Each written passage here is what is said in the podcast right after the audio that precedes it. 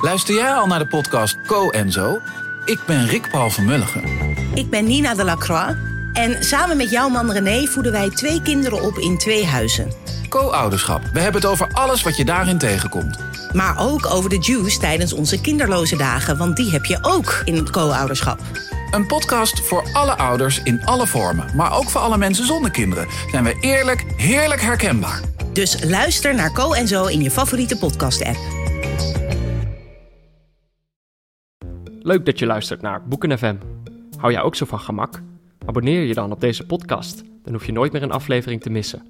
hey, en als je dan toch bezig bent, laat dan ook een recensie en een genereuze hoeveelheid sterren achter in je podcast-app. Dan kunnen andere luisteraars ons makkelijker vinden in hun podcast-apps en het geeft ons natuurlijk een goed gevoel van binnen. De leukste recensie wordt voorgelezen door Joost de Vries. Heb je een vraag of ben je onredelijk boos op ons? Stuur dan een mailtje naar boekenfm.dasmag.nl Ja, ik, kan, ik, ik wil het, wat ik al zei, ik wil hem heel graag nog een keer herlezen. Omdat het is En, voor mij en, echt en iets- om iets te zeggen, jij wees me erop, het was mij ook wel opgevallen anders. dat, Jezus, Joost. Nee, maar dat is fijn om te weten. Dat is goed om te weten. nee, ehm,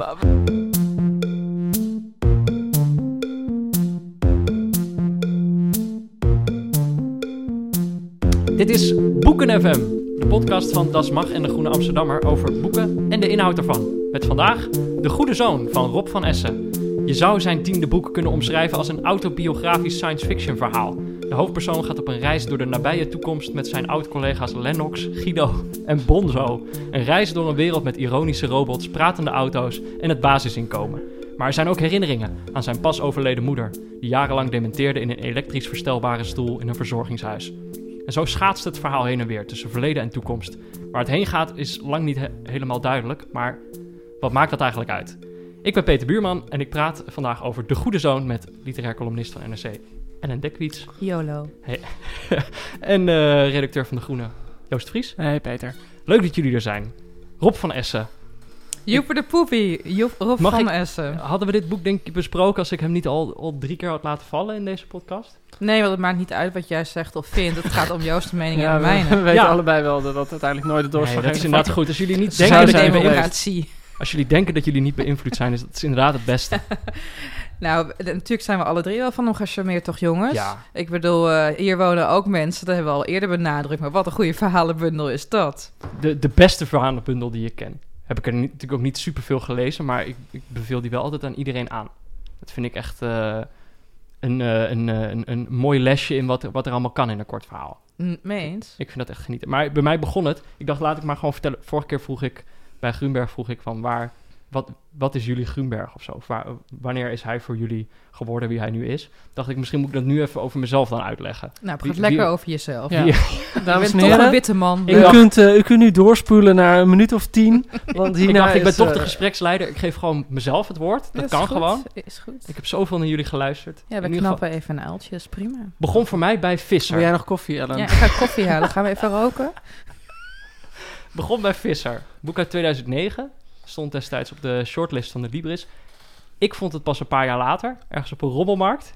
Daar heb ik het voor een euro eh, op de kop getikt. Want ik keek toen naar dat boek en ik herinnerde me dat toen ik, ik denk in VWO 5 zat, 2009, kan misschien zelfs VWO 4 geweest zijn, dat een leraar daarover vertelde. En opeens schoot me dat allemaal te binnen terwijl ik naar dat boek op dat kleedje op die rommelmarkt stond te kijken. Dus toen heb ik het gekocht voor een euro.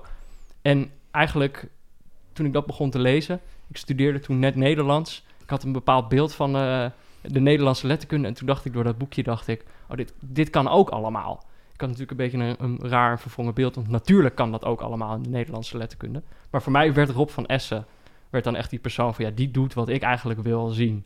Wat ik wil lezen. En eh, ik ben, de laatste moet ik juist steeds vaker aan Visser denken. Omdat het gaat over zo'n leraar die, eh, die min of meer ironisch... dat wordt ook niet echt duidelijk... doet hij een uitspraak die, die je als fascistisch zou kunnen interpreteren. Zijn leerlingen doen dat ook. En die, die ja, Joost, je hebt hem recent nog gelezen, toch? Ja. Ja, maar in, in ieder geval, die leerlingen nemen dat heel serieus, die uitspraak van hem. En het is een soort grapje, maar het hele boek lang geeft hij dat niet toe.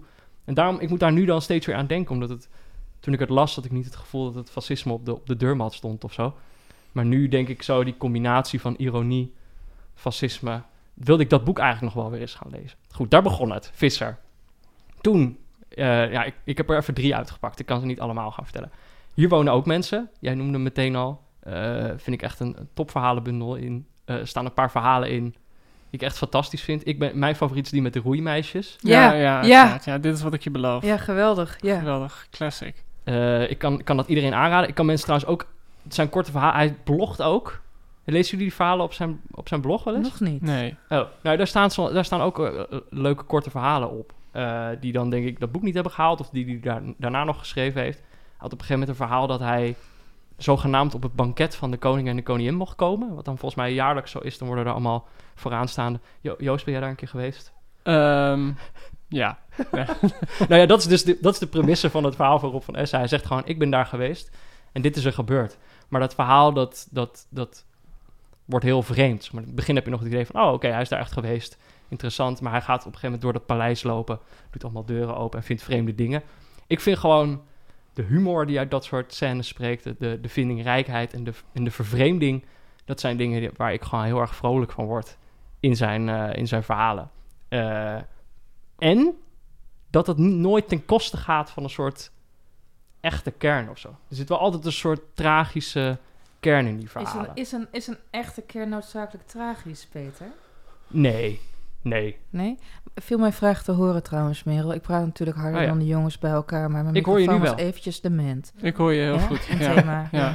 Nee, ik, ik ben blij te horen, want Peter heeft tot nu toe het gesprek leuk gemonopoliseerd. Ja, Ja, dat is waar. Weer een monoloog van Peter. Wat Ja. zeg je, Merel? Ik weet niet eens meer wat ik zei. Is de kern altijd tragisch, vroeg je volgens mij. Overnieuw. Maar Peter, is de kern altijd tragisch dan? Is dat een voorwaarde om echt te zijn? Nee, nee, dat denk ik niet hoor. Maar het is wel... Kijk, vaak als je dan een, een grappig verhaal hebt of zo... of een verhaal waarom je moet lachen... soms lijkt, dat het, lijkt het alleen maar daarom te gaan of zo. Lijken mensen te denken dat het niet en Maar ook nog verdrietig Ehm, kan zijn. vond jij Visser een grap, een, een niet tragisch dan? Nee, die vond ik heel tragisch. Ik vond het echt een hartverscheurend boek. Ik, Nee, maar dat vind ik dus juist zo goed aan hem of zo. Dat het, het, het, het Hij gebruikt humor om de tragiek te versterken. denk, denk ik, ja, ik, ik, heb me niet, ik, ik heb zo niet zeg maar een analyse van hoe hij dat precies doet paraat. Maar ik denk dat dat wel zo werkt, ja. Hm. En dat vind ik er heel, ja, dat, dat vind ik gewoon het, het, het, het fijne er ook aan. Van, het zijn niet alleen maar geinige verhalen. Het zijn geen moppen of zo. Nou, mag, mag ik dan even aanhaken over eh, Natuurlijk. Visser? Want eh, ik, heb, ik, ik heb inderdaad die verhalenbundel van hem gelezen, die ik geweldig vond. En toen inderdaad vooral omdat jij eindeloos maar doorging over Visser, heb ik Visser ook gekocht. Eh, net als jij kwam ik Visser volgens mij ergens op een tweedehands boekenmarktje tegen voor 2 euro. Eh, ik heb het boek daarna ook aan een paar mensen cadeau gedaan. Die kon ik ook alleen nog antiquarisch krijgen. Volgens mij heeft niemand dit boek. Volgens mij heeft Rob van Essen, we hebben het boek allemaal gelezen. Heeft hij van niemand van ons royalties ontvangen. Eh, dat is vervelend voor hem. En wat ik zo bijzonder vond aan Visser. Ik heb zelf een keer een boek geschreven. dat voor een groot deel gaat over ironie. En het bijzondere van Visser. Het, het boek is niet alleen heel grappig en heel ironisch. Ironie is ook echt het thema van het boek. Ja. Dat er zit een, een hoofdpersoon in, Jacob, die Visser, Jacob Visser toch? Ja. Eh, leraar Nederlands, die een soort van... Ja, je krijgt niet eens te horen wat hij nou precies gezegd heeft in de klas. Ja, iets, volgens mij iets over het recht van de sterkste. Ja, zoiets ja. En daarna... ehm, daar gaan inderdaad mensen mee op de loop. Terwijl ze ook wel weten dat het een grap is tegelijkertijd. Dus Ja. er ontstaat een soort van hele neonazistische beweging... die zichzelf de, de Visserjeugd noemt. Ja, met twee S'en op hun Ja, met twee S op een mouw van Visser. En ehm de ironie is dus dat zij weten dat iets ironisch is... en dat ze het toch voor echt willen aanzien.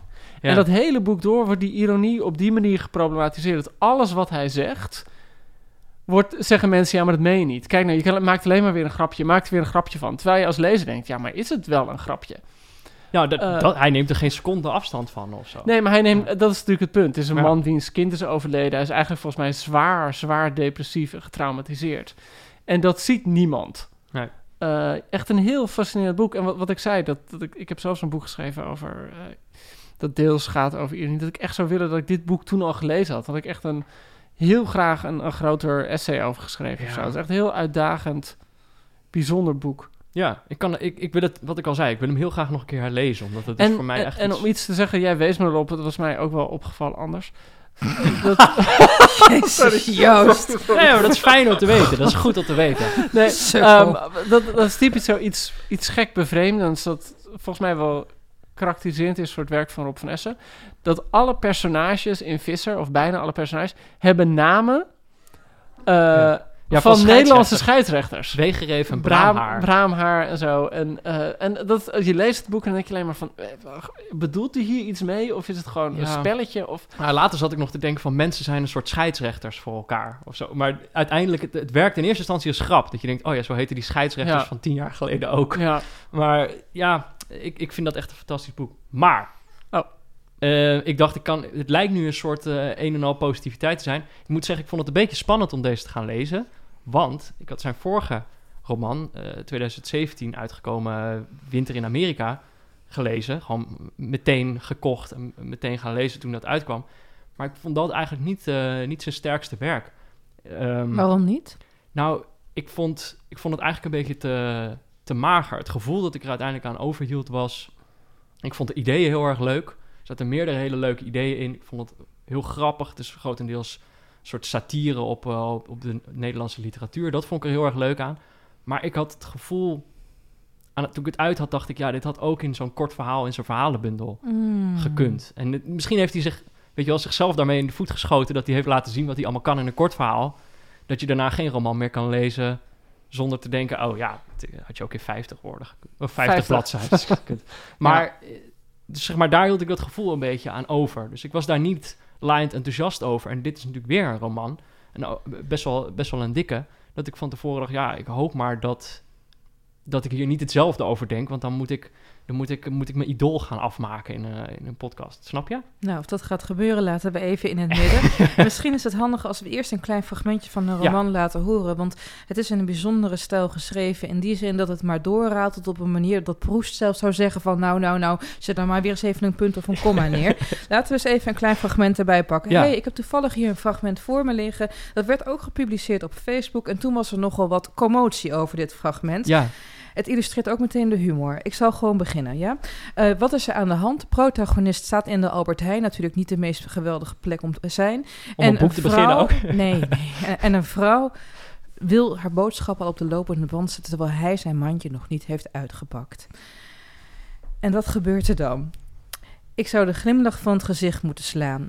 Het liefst zou ik mijn vingers links en rechts om de randen van mijn ribbenkast haken, de boel uit elkaar trekken en mijn handen naar binnen steken om die kleine, kale, innerlijke boeddhist eigenhandig te wurgen, om zijn keel zo strak te omklemmen dat zijn hoofdje opzwelt en zijn oogbollen als kleine knikkers naar buiten schieten om stuk te spatten tegen de muur en daarna alles en iedereen doodschieten, te beginnen in de Albert Heijn.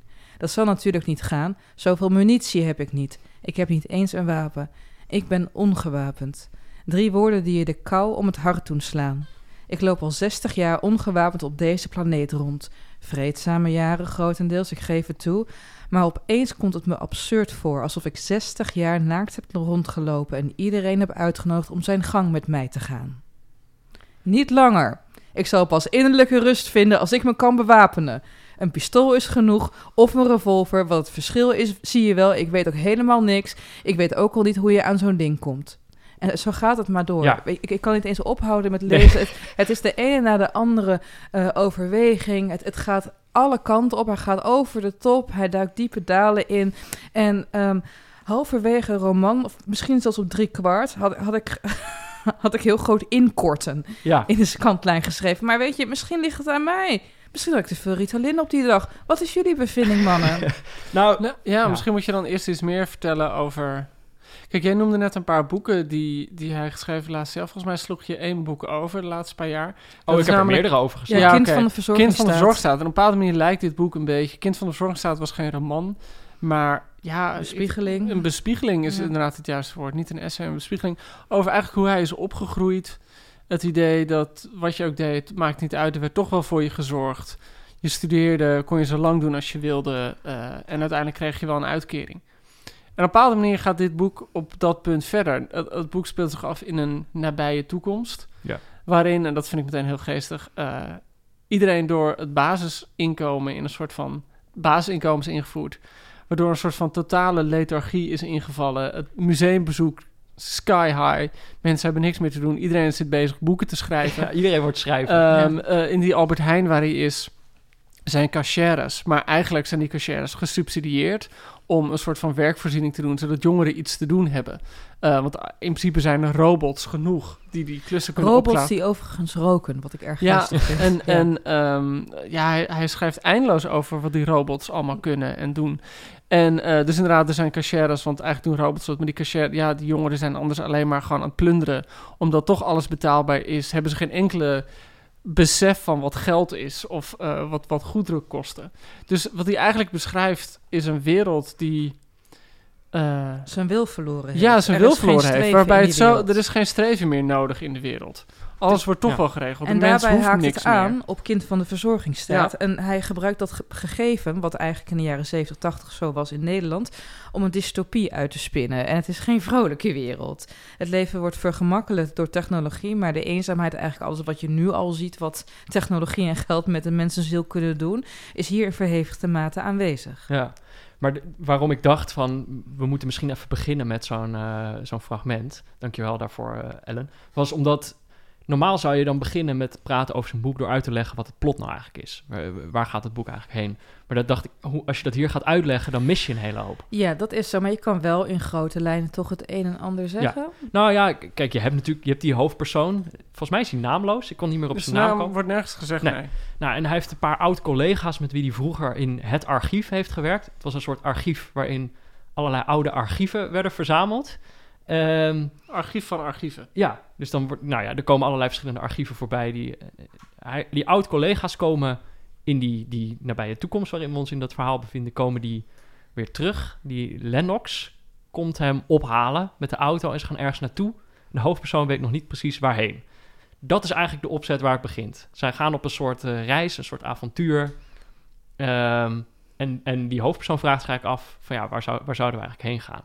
En een van de kernthematen van dit boek is herinnering ook. Ja. En hoe je die herinneringen narratief vormgeeft. En dan moet je dus weten dat deze hoofdpersoon... die heeft, eh, die heeft het geheugen van een voormalige misdadiger herschreven. Een soort Freddy... Nou, niet Freddy... Hoe heet hij nou? Wie heeft ook weer Freddy Heidenk ontvoerd, jongens? Holleder. Ja, Holleder. Een soort Ja. Willem Holleder, maar die heet hier Harry de Meester in Ja. het boek. En ehm, in een poging hem een nieuwe identiteit te geven... hebben ze een plastisch chirurgenteam op hem losgelaten... en zijn hoofd geherprogrammeerd. Ja. Vol met een jeugd die deze naamloze hoofdpersoon aan hem heeft mogen voorzien. Want deze naamloze hoofdpersoon die heeft dus inderdaad in het archief der archieven gewerkt. Daarnaast heeft hij voor een tv-serie geschreven. Een ja. soapserie. Echte vrienden, slechte Echte vrienden. vrienden, slechte vrienden. Maar wat hij vooral is, en dat is natuurlijk een hele fijne term, hij is de schrijver van plotloze Ja. thrillers. Nou, precies. Dat ja. is natuurlijk zo'n fijne interne tegenstrijdigheid.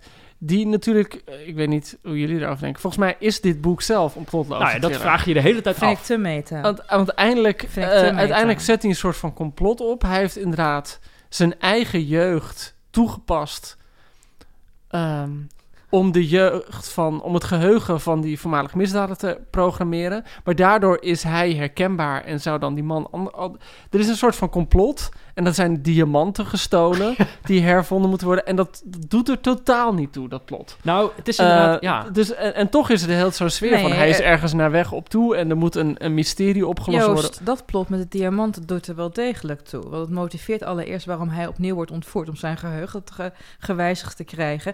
En ten tweede, een ander belangrijk artefact in dit boek... is de briljantenschedel van Damien Hirst. Ja. Waar, ehm, eh, zo, zo blijkt eh, aan het einde van de roman... deze meester, deze Holleder... die heeft Damien Hirst blijkbaar geïnspireerd... naar eigen zeggen dan, tot het maken van deze schedel. En met blijkbaar ook de diamanten die hij aan de Heinekenzaak... of zoals Heineken in het boek Meneer Batavier Ja. heet, heeft overgehouden. Dus eigenlijk heeft hij, moet hij een verhaal herschrijven... om te achterhalen waar het losgeld is gebleven... waardoor hij zijn eigen geheugen verliest. Maar ik, ik herken wel wat Joost zegt. Als je dit zit Maar te lezen, denk je op een gegeven moment wel... Ja, maar het is Nee, te maar- makkelijk. nee, oké, maar ik heb horen, hier- dit ik heb is hier een punt over. Dit is een boek van, Oh. oh, sorry, dit, maar dit is een boek van 350 bladzijden. Dat plot is misschien drie alinea's. Dus het is een soort van geintje bijna dat dat plot er is. Het is natuurlijk gewoon alleen een trucje om... Maar goed, Peter, wat Kwantiteit wil je is zeggen? geen Kijk, kwaliteit. Hoe ik, hoe ik het heb gelezen is inderdaad... Ja, je krijgt op een gegeven moment het gevoel... zou dit dan ook zo'n plotloze thriller zijn? Ja. En Je probeert je een beetje voor te stellen van hoe, hoe werkt dat dan? En heel lang heb je ook niet... Hij weet zelf niet eens waar hij heen gaat. Dus dan heb je ook het idee van... Ja, dit zal... Wat is, wat, is, wat is de plot dan? Maar hij reflecteert daar ook op. De verteller, die ook dus best... Ja, die valt gewoon samen met die hoofdpersoon. Eh, op een gegeven moment, op het einde, komt het allemaal samen. Wat jij net al omschreef van... Op een gegeven moment is hij weer ontvoerd en hij is daar weer terechtgekomen. Dan zegt hij, dit is het moment van de plot. Maar ik merk dat ik me moet forceren om door te gaan. Plot is mijn afdeling ook niet. Dat laat ik aan anderen over. En dan, het plot komt dan ook in een paar zinnen, komt het helemaal samen. Ja, Joost zei al, het is een soort grap. Het komt dan in een paar zinnen helemaal samen. En ook omdat die verteller eigenlijk zegt van, ja, ik ben hier niet zo goed in. We moeten hier gewoon even, laten we het even samenvatten, zegt hij volgens mij ook. Tegen een ander personage. Laten we even samenvatten wat er gebeurd is. En dan krijg je zo opeens al die informatie over je heen. Dus ik, ik vind dat er wel wat voor te zeggen valt dat dit boek zelf een plotloze thriller is. Maar jij vindt dat er wel een plot in zit. Ja, ik vind het te weinig thriller en niet zozeer plot, maar er zit een pointe in. Ja, dat zeker. Ja. Oh ja, ja. Dus die twee- Maar, Nou, helemaal geen maar. Ik, ik, ik, vind, ik, ik vind het flauw om het plotloos thriller te noemen, ook omdat het te, te dicht op ligt. met, met dat idee wordt toch wel gespeeld? Te, te duidelijk. Het is zo allesbehalve subtiel dat ik het flauw vind. Van, van wie? Van de schrijver. Oh. Niet van jullie kinderen. Ik schrok helemaal. Ik Jezus, we trekken Oeh. echt bleken weg. Ja, Joost, ja. we kunnen gelukkig, uh, Het gelukkig gekke is, hadden jullie... het- Oh, Het gekke is, die houden we even vast. Hebben we luisteraarsvragen? Ja, er wordt geknikt. Oké, ik ben benieuwd. Hoi Boeken FM. Wanneer ik een boek lees, creëer ik vaak het decor uit delen van bekende plekken in mijn leven. Ik ben me er niet bewust van, maar wanneer ik erover nadenk, realiseer ik me bijvoorbeeld dat grote delen van Teerza van Grunberg zich hebben afgespeeld in de eetkamer van mijn eerste buren. Specht en Zoon van Willem-Jan Otte rondom een van de zalen van het Kruller-Müller Museum. De verborgen geschiedenis van Donna Tart in de aula van mijn basisschool. En de Red Parts van Maggie Nelson op de zolder van een vakantiehuisje waar ik eens was. Hebben jullie van die plekken, of elementen daarvan, die terugkerend onderdeel uitmaken van de door jullie gefantaseerde wereld waarin het boek zich afspeelt? Groeten, Nina. Leuke vraag, Nina. Eh, ik, ja, ik moest meteen al denken van, oh ja, dat heb ik ook. Ja? Maar het is wel vrijwel altijd dezelfde plek. Op een of andere manier, als mensen ergens wonen, is het bijna altijd het huis van mijn opa. Mm. En ik weet ook niet zo goed, en daar kom ik dan soms pas later achter, dat ik dan denk, hé, woont deze gast nou ook al in het huis van mijn opa? Op een of andere manier, het is gewoon, het is een, het is een, het is een simpel rijtjeshuis. Ik denk dat daar heel veel in past. En soms, ik had het dus ook bij eh, Dorst, het boek van Esther Gerritsen, dat is, is verfilmd. En in mijn hoofd woonde die, die hoofdpersoon ook in dat huis. En toen zag ik die verfilming. Toen was het opeens een gigantisch soort vrijstaand Ja. huis met een serre. Ja, er zat ook wel een serre in. Dat, gaf het misschien al een beetje weg. Maar dat ik toen, toen realiseerde ik me eigenlijk pas van... Oh ja, zij woonde ook in mijn hoofd in dat huis van mijn opa. Maar hebben jullie dat ook? Ja, niet bij mijn opa. Nou ja, als er een standaard burgerlijk verhaal anno 20e eeuw is, dan moet ik wel denken aan het huis van mijn ouders. Dan, dan, dan die plattegrond heb ik dan ook in mijn hoofd erbij zitten. Maar eh, jeetje, ik heb, ik, ik, ik- hier heb ik nooit, wat een goede vraag, hier heb ik nooit bij stilgestaan. Maar Joost, jij ongetwijfeld wel. Ik heb meer het tegenovergestelde. Dat ik meer eigenlijk zelf vind dat ik in die boeken leef... dan dat ik die boeken in mijn leven situeer. Dat is te poëtisch om waar te zijn. Dat je denkt, dit Ja. is Zwijnstein. Ja, dat, Ja. Zo, dat, zo loop ik meer rond, inderdaad. Ik bedoel, lees ik de Secret History... Dan, dan heb ik het gevoel dat die campus die ze beschrijft... dat die bijna... Die zie ik beter voor me dan... Nou, dat is niet waar, dan, dan mijn eigen studententijd. Maar ik zie dat... Ik plaats dat dan niet per se in mijn eigen leven. Ik zie ook personages nooit heel goed voor me... hoe ze nou Nee, precies eruit zien. niet zo. Nee. Ehm, nee, ik, ik, ik, ik heb het eigenlijk niet zo. Hm. Ik vond het wel, ja, ik herken het dus wel. Ik heb, kan me ook niet zo gauw heel veel andere voorbeelden voorstellen. Nou ja. Eh, ik hoop dat je er tevreden bent, mee bent. Ja. Anders moet je nog maar eens terugmelden. Maar dat is natuurlijk wel altijd het rare, zeker als je tegen verfilmingen aanloopt en zo. Dat je dan Ja. al die tijd iets voor je hebt gezien en opeens wordt het ingevuld. En het, het probleem is zeker met van die... We zaten eraan te denken om nog een keer een Harry Potter podcast te maken. Die, die films kwamen halverwege eh, Ja. de boekenreeks uit. En als je dan die personage eenmaal als acteur hebt gezien... dan kun je ze niet meer terugzien zoals Ja. je ze eerst voor je zag. Nee, ik kan me wel herinneren dat Harry Potter er echt anders uitzag dan ja, Ja. Her- Hermione zag er voor mij heel anders uit of zo. ja. Groffer. Grover, ja, want... want, die want tanden. Ja, die tanden. En het is natuurlijk zo dat, dat Emma Watson, ook al zet je er een pruik op, gewoon zo'n heel poezelig, eh, spits gezichtje heeft. Terwijl zo in die eerste boeken als gewoon veel onhandiger en eigenlijk wat lelijker wordt beschreven. Waar Dus jij nou- niet met Hagrid? Nee. Nou ja. Jezus. anyway. Eh, is er nog een vraag? Hey Ellen, Peter en Joost. Vandaag is het Halloween. Ik hou er wel van, want ik lees ook graag enge boeken en mijn lievelingsdier is een vogelspin. Wat zijn jullie favoriete griezelboeken of verhalen? Doei, Paul. Oké, ja, Ellen. Ja, nou, hoppakee, griezelboeken. Allereerst alles van Daphne du Maurier. Wie Engels schrijfster heeft onder andere The Birds geschreven. Rebecca, Don't Look Now. Het is compleet creepy. Eh, totale tip. Lees die vrouw. Twee, Shirley keer? Daphne Oh. du Maurier. Oké. Google The Birds, writer, en dan heb je haar. Ten tweede Shirley Jackson, auteur van The Lottery. Dat is een eh, kort verhaal in de New Yorker gepubliceerd in 1948. eh, waarin wordt verteld dat er in een Amerikaans dorpje vlak na de oorlog een loterij wordt gehouden. En dat blijkt een loterij te zijn om, een soort, eh, om iemand op te offeren voor een goede oogst. Nou, dat regende klachten daarna. Super scary als je erover nadenkt. En ehm, drie, eigenlijk zou je dan ook de gedicht van Hendrik de Vries moeten lezen. Want dat is een... eh, ik zie Joost kijken, hoezo is er een andere de Vries die schrijft? Ja, zeker. Het is de van, Vries concurrentie hier allemaal. Hendrik de Vries, zijn oeuvre is bevolkt door babylijkjes, geesten, een Oh. dode broer die s'nachts opeens weer naast hem ligt. Dus ehm, als je denkt van, de, heb je nu twee proza tips en een Wat poëzie-tip, leuk. top. Ik heb ook een tip. Ik heb laatst zat ik keihard te werken. Gewoon, het is herfst, dus heb je eindeloos veel deadlines. En soms kan je dan in zo'n modus komen dat je zo hard werkt... dat je ook alle vermoeidheid voorbij gaat... en dat je hoofd alleen nog maar een machine is die draait, draait, draait. Nou, dit ter achtergrond. In ieder geval, ik had tot één uur zitten werken... en toen ehm, dacht ik, ik ga wel in bed een uurtje zitten lezen of zo... want dan kan ik even afkoelen. En toen heb ik dus het verkeerde boek gepakt. Ik heb namelijk Melmoth gepakt van Sarah Perry. Ehm, is vorige maand verschenen bij Prometheus in vertaling. Eh, Engelse schrijfster, eh, heel bekend geworden met het boek Monster of Essex. Was vorig jaar Oh. een groot succes. Mm. En Melmoth wordt een mythe verteld. En die mythe is deels zelf verzonnen, deels... En het gaat erover dat Melmoth was een vrouw die bij de kruising van Christus was. En zij was later een van de vrouwen die ging kijken bij eh, Het het, graf? graf? En toen zagen de vrouwen dat Christus was opgestaan, dat hij niet meer was. En zij haast zich toen terug naar het dorp om te vertellen wat er was gebeurd. En Melmoth loog toen. Die zei, nee, er is niks gebeurd. Zij ontkende de heilige kracht. En is toen veroordeeld om, eh, zeg maar net als de, de wandelende Jood, eh, haar het, het onsterfelijk over de aarde te dwalen. Oh, oké. En dat doet ze. En ze wordt aangetrokken door eenzaamheid. En als ze mensen ziet die eenzaam is, haar bijnaam is Melmoth de getuige. En als ze mensen ziet die heel eenzaam zijn, dan gaat ze die mensen volgen. En uiteindelijk voelen die mensen iets aan hun voeteneinde als ze in bed liggen. En dan zit Melmoth daar. Oh, en Joost, en die zegt- lag helemaal en die alleen zegt- onder die- zegt dan tegen je, wil je hier inblijven of ga je met mij mee? En het, wat er dan Oh. gebeurt als je zegt, ik ga met jou mee, dat, wordt, dat vertelt niet.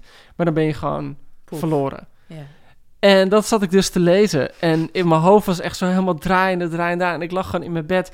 En toen dacht ik echt van mijn voeteneinde. En ik ging, ging slapen. En, eh, en toen keek ik op een gegeven moment op. En toen zag ik zo'n grote zwarte gestalte.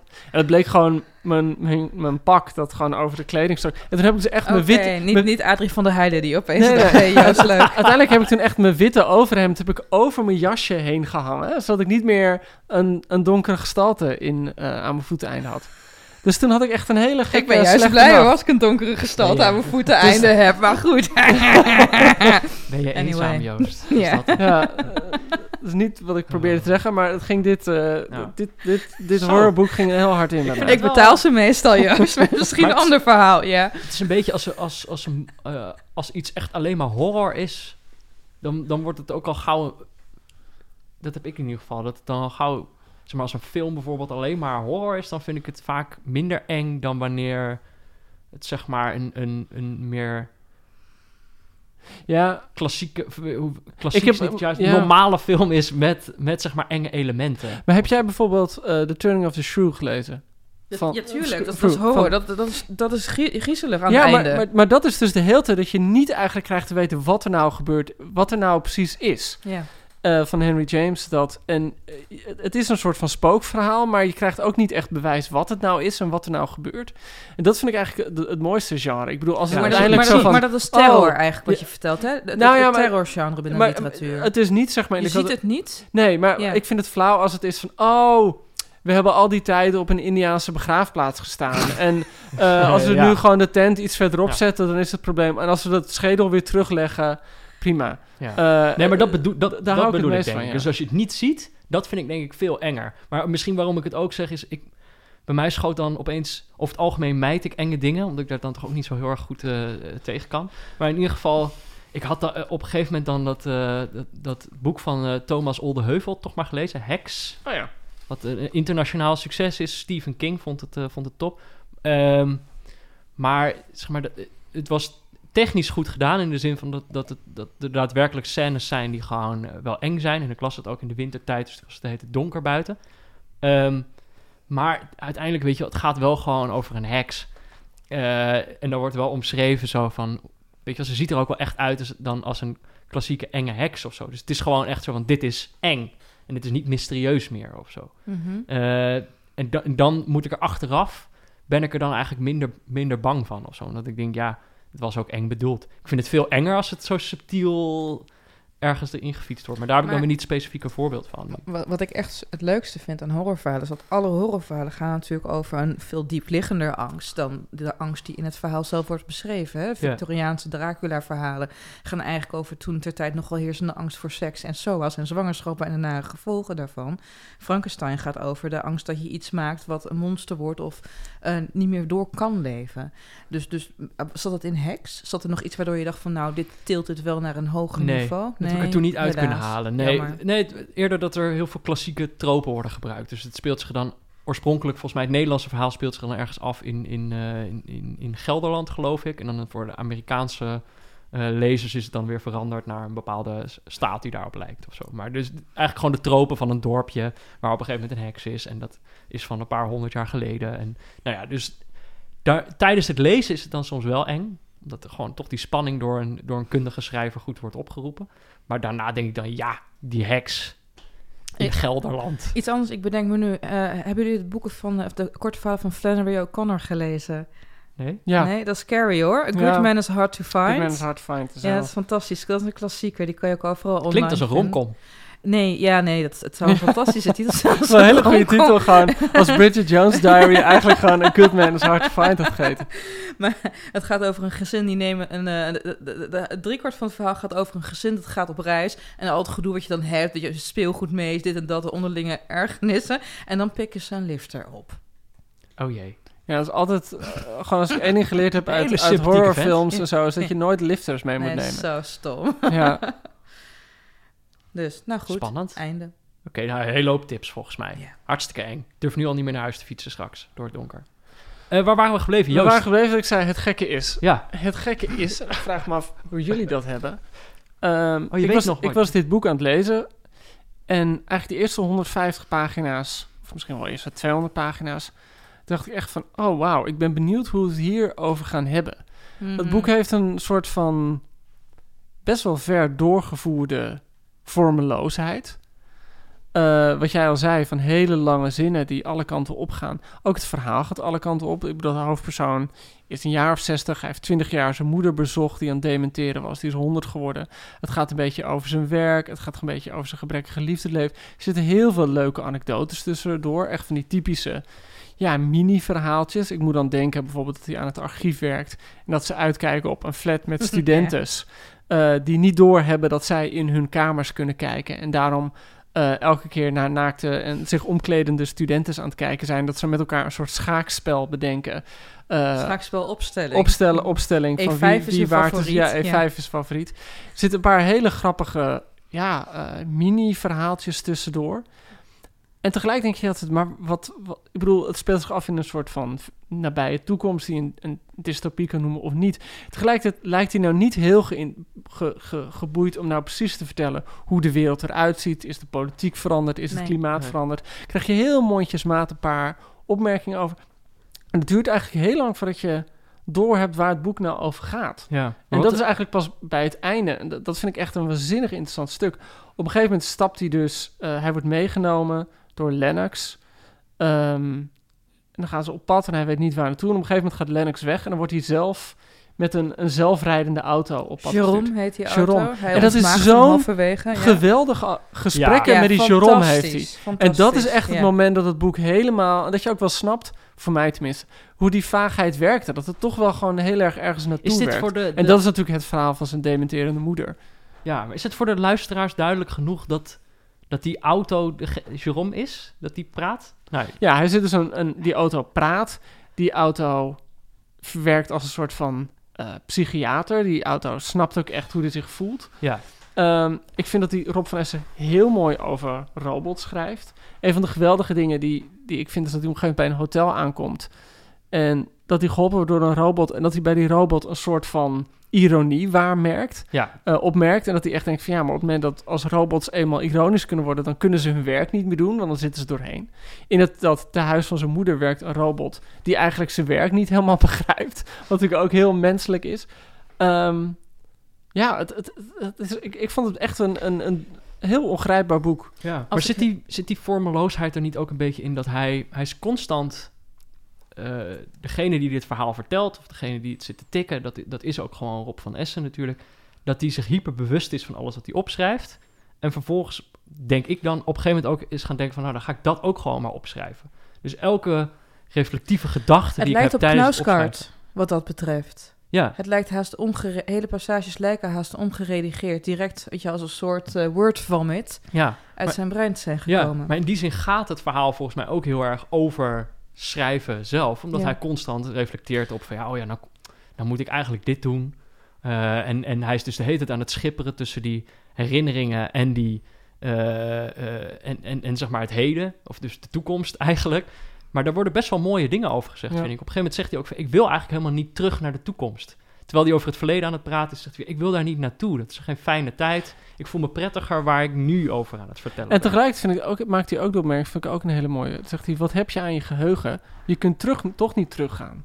Wat heb je eraan om al die dingen van vroeger nog te weten? Want je kan er niet meer bij. Ja. En ik vind Deels het- de kern, denk ik, van. Ja, la- laten we er wat voor opstellen. Ik, vind, ik weet niet hoe jij daarover denkt, maar volgens mij is het wel echt een heel gevoelig boek. Er zit met heel veel, ja, een enorm soort van eenzaamheid zit erin. Ja, nou, eh, misschien is dit dan een moment, één moment waar dat, waar, wat jij noemt, waar dat volgens mij heel sterk in zit. Die, die tram die op de voorkant van het boek staat, dat is een, ook een scène uit het boek. En dat hij ziet op een gegeven moment, ziet hij, volgens mij is dat als hij de Albert Heijn uitloopt, ziet hij een oude tram rijden. Een gele oude tram in Amsterdam. Of ja, dit speelt zich af in Amsterdam. Ehm, en op dat moment vergeet hij heel even in welke tijd hij nou precies zit. Omdat hij een tram uit, nou ja, nog niet eens zijn jeugd, maar gewoon van 20 jaar geleden ziet rijden, of 30 jaar geleden, weet hij opeens niet meer waar hij is. En dat vond ik een hele mooie scène. Dan zegt hij, mensen reageren allemaal op die tram. Daarbinnen zitten mensen te, te dineren of zo, dus er worden foto's van gemaakt. En dan zegt hij, ouderen leggen de tram vast uit herkenning. Scholieren omdat ze zo'n oude tram vreemd en grappig vonden. Nee, nee, wilde ik ze toeroepen. Dit is een heel normale tram. Hier heb ik nog ingezeten. En dan niet eens heel vroeger als kind, zomaar gewoon als volwassene, als iemand die ik nog steeds ben, als mijn huidige zelf. Maar dat is niet waar. Wel dat ik in die tram gezeten heb, maar niet als mijn huidige zelf. Ik ben geen langgerekt heden. Kijk maar, de trams zijn veranderd. Je moeder is dood. Hoe heb, je de tij- hoe heb je tijdens je kleine grote reis in identieke delen het uitzicht vanuit trein en bus niet zien veranderen? En toen ik naar huis liep, dacht ik na over het gat in de tijd dat een kwart seconde had geduurd. En waarin ik me niet had verbaasd over die gele tram, omdat het verleden het heden heel, he- heel even had overschreven. Zou bij een volgende gelegenheid, als die er komt, ik voel me erg slaperig worden, dat gat niet zo groot kunnen worden dat je erdoor zou kunnen verdwijnen. Dat je je vingers links en rechts om die randen van dat gat haakte om de boel uit elkaar te kunnen trekken en naar binnen stapte. Wat dan? Was je, was je huidige zelf dan echt met zijn vroegere zelf verenigd? Was de wereld dan weer voor mij? Maar ook als je terug in de tijd stapte, ging de tijd vanaf dat moment weer gewoon door. Waar het om ging, was dat je elke oude tram onmiddellijk moest herkennen als oude tram. Dat was de levensles van vandaag, hield ik mezelf voor. Toen ik me, eenmaal thuisgekomen, in de sta-opstoel van mijn moeder liet vallen en met mijn vingers de knopjes van het bedieningspaneel beroerde. Bzzzt, bzzzt, bzzzt. Dat vond ik een heel mooi stukje. En, en volgens mij staat het dan ook op de voorkant, dat jij ook zegt van het gaat heel erg hij hangt de hele tijd tussen, die verle- tussen dat verleden en die toekomst in. En het verhaal gaat ook de hele tijd daartussen, omdat die verteller die herinnert zich dan iets en dan gaat hij daarover praten. Op een gegeven moment vergeet hij wat hij eigenlijk aan het doen is en dan tien bladzijden later zegt hij... oh jee, nou heb ik zoveel over dat verleden zitten schrijven. Dat was helemaal niet de bedoeling. En dat schrijft hij dan ook allemaal weer op. Ja, want je merkt ook, deze verteller zegt dus de hele tijd, eh, benadrukt de hele tijd in deze roman zijn leeftijd. Hij is 60 jaar in het heden van de roman. Hij voelt zich echter nog steeds 35, maar dan wel een heel erg belabberd lichaam. Ja. En ehm, er zijn constant reflecties op het verglijden van de tijd en het erg moeilijk hebben met het ouder worden. Eh, jongere vrouwen ziet hij met ledenogen aan dat zijn moeder ook heel erg afgetakeld was, was op het laatst. En die hardnekkigheid van willen herinneren, als, als het ware willen bewaren, voordat misschien zijn eigen dementie, die dingen schijnen toch erfelijk te zijn, begint. Dat vond ik ook iets heel erg ontroerends erin. En het boek deed mij in zekere zin ook denken, en ik weet niet of jullie dat boek hebben gelezen, maar Land van Herkomst van Edu Perron. Dat is echt een baksteen van een boek, waarin Edu Perron tot vervelens toe zijn hele jeugd in Nederlands-Indië gaat lopen herhalen, tot aan de naam van alle twaalf baboes toe. Maar aan het einde ontdek je waar dat allemaal voor nodig was, namelijk er is een nieuwe macht, de, de Derde Rijk, aan het opkomen die alles wat niet bij hen hoort wil vernietigen, inclusief de herinneringen. En ehm, de naamloze hoofdpersoon spreekt in deze roman ook regelmatig zijn angst uit voor de toekomst. Dat robots het over gaan noemen als een soort van eh, Skynet. En dat ze met z'n allen van deze planeet verdwijnen. Ja. En dat je dan met een hele saaie mensheid achterblijft en de planeet wordt vernietigd en niemand herinnert zich Rob van Essen nog. Hij, zegt, hij zegt inderdaad al van... zij gaan ons op een gegeven moment verlaten. Ja, zij kunnen dat en wij De niet. robots zijn- gaan, de gaan de mensen vliegen verlaten. uit. Ja. Hij zegt, Ja. we zijn al met onze zakdoek naar ze aan het zwaaien... terwijl we Ja. met onze andere hand de schroeven aan het vastdraaien zijn. Dat was ook weer, die heb ik ook opgeschreven... maar ik heb net al t- twee, twee minuten zitten voorlezen. Oh, een hele mooie passage over, over inderdaad dan de toekomst. Het begint dan begint gewoon met de observatie dat het wegdek slecht is geworden. Omdat toch niemand er eigenlijk meer overheen rijdt. Wat maakt het allemaal nog uit? Weet je, wel? dat gevoel heerst er in die toekomst waarin die zit. En het herinneren krijgt daardoor iets extra tragisch. Ja, Want het is ook een laatste menselijke stem. Robots die zullen, dat, dat wordt ook in het boek een paar keer genoemd, waarschijnlijk niet hun vertalen, verhalen vertellen op de manier zoals mensen ze aan elkaar ver- vertellen. Dus een uitstervende kunst wordt hier ook bezongen en beweend. Dat vond ik heel erg interessant. dit is en- ook... En ja. ik begreep ook opeens al het oeverloze gezwam de eerste 200 pagina's. Haast, haast een compulsieve neiging tot getuigen. Ja, maar er zit... ehm, is dat, want je had het net al heel even over Damien Hirst, maar dat komt een aantal keer terug in dat verhaal, omdat hij beschrijft dat als een moment waarop hij, hij bekijkt dat ding in een museum en op dat moment verliest hij opeens, wat is het, zijn waardering voor de kunst of Nou zo? ja, Kijk, ze eh, geloven in kunst. Ze geloven in kunst in die zin. ehm eh, Damien Hirst, die, dus die schedel. Hè, ehm, hoe heet dat ook alweer, jongens? Dat ben ik echt... For the love of God. For the Love of Oh, ja. God heet dat. Een eh, Die schedel, titel, die, schedel van... die naam wordt ook nog verklaard in het boek. ja. ja, ja, dat is heel Dat soort geintjes, Ja. ja. Eh, die schedel is een schedel van een soldaat, belegd met allemaal diamanten. En hij beschrijft op een gegeven moment dat hij dan in de jaren 90 naar het Rijksmuseum ging, of in de jaren 0, eh, om die schedel te bekijken. Maar dat er zo'n lange rij stond dat de mensen in de verbouwde vleugel al van het Rijksmuseum eh, van de directie hebben besloten om alle topstukken uit de collectie ook maar in die wachtruimte te hangen. Waardoor magische stukken van Vermeer, van Rembrandt werden gereduceerd tot posters in de wachtruimte Ja. bij een dokter. Waardoor al het symbolisch kapitaal waarmee die doeken, zoals normaliter in een museum worden opgehangen door supposten omringd en beladen zijn, opeens totaal wegviel. Dus daarmee viel hij ook helemaal van zijn kunstgeloof af. Hij zag opeens het maakbare van art, Ja. van kunst. Ik vind dat dus, ook dingen waar we het nu over hebben, was voor mij een van de redenen waarom ik dit echt veel beter vond dan die vorige roman van hem. Dat het zo bomvol met ideeën zit. wat als Ja, zegt, zo bomvol mini-verhaaltjes. ideeën en mooie mini-verhaaltjes, mooie beeld. Wat ik bijvoorbeeld een heel mooi beeld vind in, in alles in eenvoud. Ik weet niet of jullie die scène nog herinneren. Dan beschrijft hij dat hij op een pontje zit over het ei.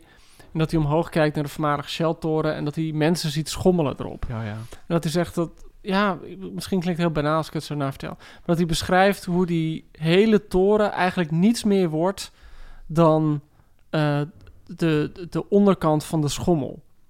Alsof die hele schommel, die hele toren met al die verdiepingen en al die mensen erin, alleen nog deelt, eh, dient om die schommel vast te houden. En ik bedoel, dat is echt zo'n typisch Rob van Essen. En volgens mij zie je een aantal verhalen erin zitten waarvan me niks zou verbazen als die oorspronkelijk als een kort verhaal waren Absoluut. begonnen. Ik bedoel, dat verhaal dat ik net al noemde over die studenten in die Ja. flat, is Ja. helemaal zo'n verhaal. Hij vertelt op een gegeven moment een heel mooi verhaal tussendoor. Dat is echt een verhaal van niks. En tegelijk vond ik het echt, heb ik het echt aan twee mensen voorgelezen. Die, hij zit in een auto met Lennox, geloof ik, of Guido. Wat ik het wel heel, ja. heel naar idee vind. Echt een dystopie dat er in de toekomst ook nog mensen Guido zouden heten.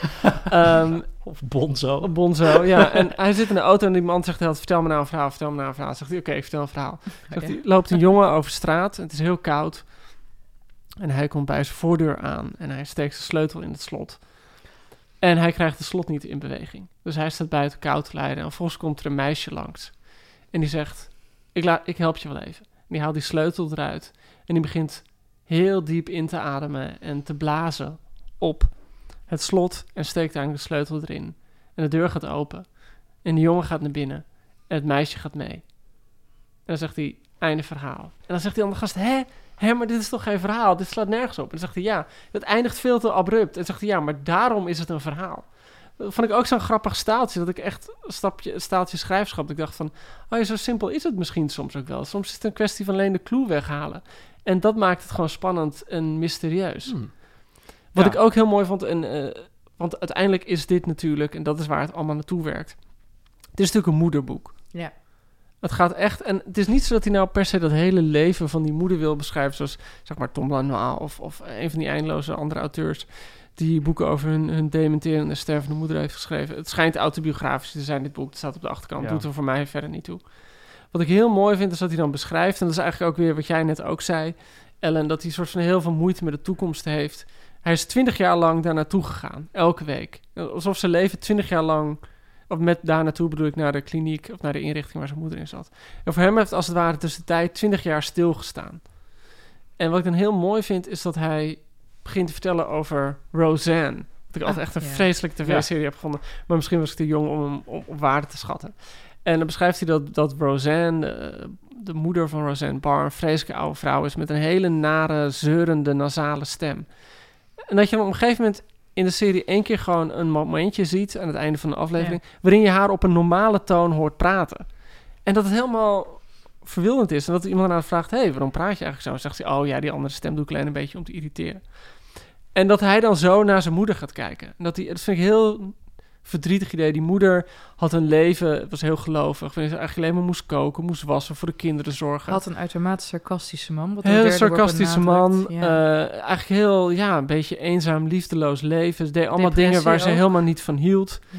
En dat hij eigenlijk de hele tijd dacht van... had zij maar één zo'n moment... dat ze er even uitstapte. En dat ze kon laten zien... oh ja, dat is ook maar een rolletje dat ik speel. Dit is niet meer echt leven. Nou ja, en ze, en, en ze wilde de hele beeld. tijd ook gezien worden, maar ze sleet dat leven eigenlijk in de schaduw van de zwaar gereformeerde kerk. En Ja. de ironie wil natuurlijk, en dat blijkt ook wel expliciet aan het einde van het boek, dat juist deze hoofdpersoon de hele tijd door allerlei veiligheidsdiensten, ander plot weer, in de gaten is gehouden. Ja. Daar Dus- is hij eigenlijk ook best wel blij mee. Hij heeft dan het gevoel van, oh, blijkbaar doe ik ertoe. Ja, een soort Reviaans. Het is niet onopgemerkt gebleven, Ja. maar dan is het om de goede redenen niet Ja. onopgemerkt Ja. gebleven. Ja, Want hij, hij wordt opgemerkt omdat hij deels eh, heeft geassisteerd in het verhaal van iemand anders. Dus hij is Ja. een, Ja. een assistgever. maar wat jij zegt over die, eh, die moeder Jo- Joost, over dat ze er even uit kan stappen. Uiteindelijk is dat niet wat er uiteindelijk eh, gebeurt met die moeder, doordat zij dementeert. Dat ze eigenlijk ook niet meer zo goed weet wat er gebeurt en dat ze in een soort massagestoel de hele dag ligt. Eh, dat hij haar eigenlijk gelukkiger ziet worden op het moment dat ze... Niet meer herinnerd. Niet meer herinnerd, ja. Ja. En dat is natuurlijk waar hij... eh, moeten we de clue of de, de, de ontlading van het boek niet... Nee. Want, eh, maar uiteindelijk zit het natuurlijk ook, gaat het heel te om zijn geheugen. En omdat we weten dat in deze nieuwe wereld geheugens gemodificeerd kunnen worden... of gewoon afgepakt kunnen worden. Afgetapt, ja. Uh, afgetapt. Ja. Eh, gaat het heel erg over, en dat vind ik eigenlijk wel een heel interessant thema, van wat heb je eigenlijk aan dat geheugen? En ben je niet gewoon veel gelukkiger als je ervan verlost bent?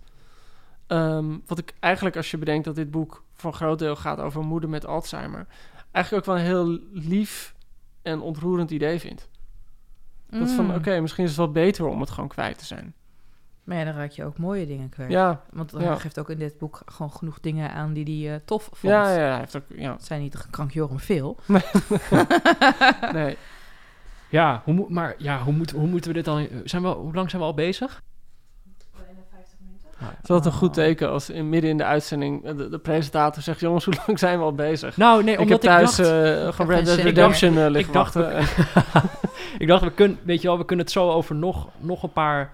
eh, ehm, Mag, mag ik één onderwerpje nog aandragen? Oh ja, trouwens, tuurlijk. jongens? Want eh, we- zijn uitermate positief. Althans, dat leid ik nu af uit hoe jullie erover praten. Maar ik heb me af en toe toch wel flink verveeld hoor bij dit boek. Ja. Ik weet niet hoe het bij jullie zit. Oh, toch wel bij Ja, jou? het gekke is dat, dat, en, maar misschien is dat ook waarom ik zo'n waardering voor het boek heb. het begin is zo wollig en Ja. zo alle kanten op. En dat ik echt bladzijden volgens mij diagonaal gelezen heb. Ik dacht, ja, oké. En ook dat zo'n boek begint bij de Albert Heijn. Hoewel ik ook wel weer een mooi idee vind dat, dat hoe ver we ook gaan in de toekomst, de Albert, Albert Heijn, Heijn er, is er altijd, nog. er altijd is.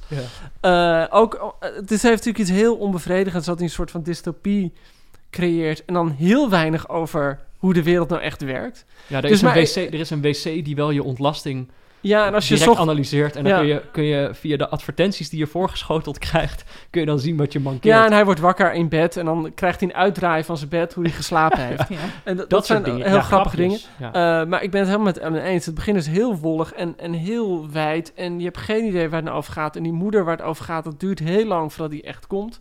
Maar misschien dat het juist daardoor voor mij zo'n indrukwekkend gegeven is... als hij eenmaal in die pratende auto Ja, die- zit ja. en dan zijn hele verhaal begint te doen. Ja, maar het, had volgens mij wel eh, een kleine honderd pagina's. Dat zag ik eigenlijk altijd. Ja, dat ik eigenlijk al. Maar het had wel iets, iets, iets- wat dat betreft iets strakker gemogen. Ik begrijp dat overtolligheid hierbij een pointe is. Ja. Om daarop terug te ja, komen. precies. Ja. Maar, dan zegt hij ook, mijn redacteur vindt dat dit eruit moet. ja, er in. inderdaad, voortaan beter luisteren naar je redacteur, zou ik zeggen. Maar, maar, maar nog één ding wat ik heel mooi vond. Hè? Het gereformeerde, we hebben het eigenlijk niet echt Ja, over gehad. nee. Maar religie speelt Ja. best wel een grote rol in dit boek. Eh, van Essen die beschrijft hoe zijn ouders beide opgroeiden in een gereformeerde gemeenschap. Toen even de uitstapten, feest vierden. En uiteindelijk tegen hun veertigste weer teruggingen naar de kerk. Met alle gevolgen van dien. En ehm, hoe, hoe bang vooral zijn moeder was voor het hiernamaals. Ja, En dat hij op een zeker moment hij zelf ook. hij zelf ook, maar dan gaat hij daarover doorredeneren. En dan zegt hij op een gegeven moment, ja, als het aan mijn moeder lag... dan zou zij de hele tijd als 16-jarige nog steeds op een vijver lekker aan het schaatsen zijn... met een hele sliert mensen in Polonaise-formatie achter haar Een hele aan. mooie scène is dat dan. Prachtige scène. Maar tegelijkertijd is deze voorstelling super sentimenteel, zegt hij zelf in dit boek. Dus door een verhaal van te maken kan je er heel veel om grimassen haast. En tegelijkertijd doet dat niks af aan de horrorachtige facetten van het concept hiernamaals. Want eh, dat zegt hij gegeven moment, vond ik heel geestig. Er zijn natuurlijk in de afgelopen 20.000 jaar heel veel mensen op hele jonge leeftijd dood gegaan. Dus als er zo'n hiernamaals bevolkt is met baby's en zuigelingen, dan is het gros niet zindelijk. Dus zit je daar tussen de kwijlende peuters in. Helemaal niet leuk, want die moeten daar ook een plekje hebben. Maar dat, dat verhaal, volgens mij, over dat schaatsen, dat hij dus zegt, ja, mijn moeder zou het liefst eh, tot, tot, tot, tot in de eeuwigheid daar schaatsen. Rondjes, ja. Ja. Maar doet- dat legt hij uit aan die auto, toch? Hij legt dat Ja. uit aan die robot, zo van, dit is wat verhalen kunnen doen. Van, ze geven hem een soort rust of zo, dat zijn moeder daar aan het schaatsen Ja. is. Zo stelt hij zich dat voor.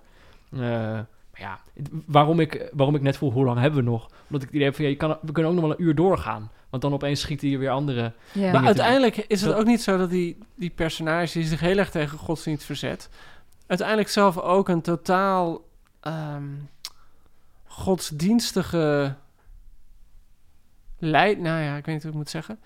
Uiteindelijk geeft hij zich helemaal aan zijn lot over. Hij verzet zich nergens tegen. Het is echt alsof hij als een brave gelovige gewoon Naar de slacht wordt naar de geleid. slacht wordt Ja. geleid. En eh, dat, dat blijkt alsof je dat, dat, dat gevoel van God heeft verloren. En tegelijkertijd wel helemaal vastzit in het idee van...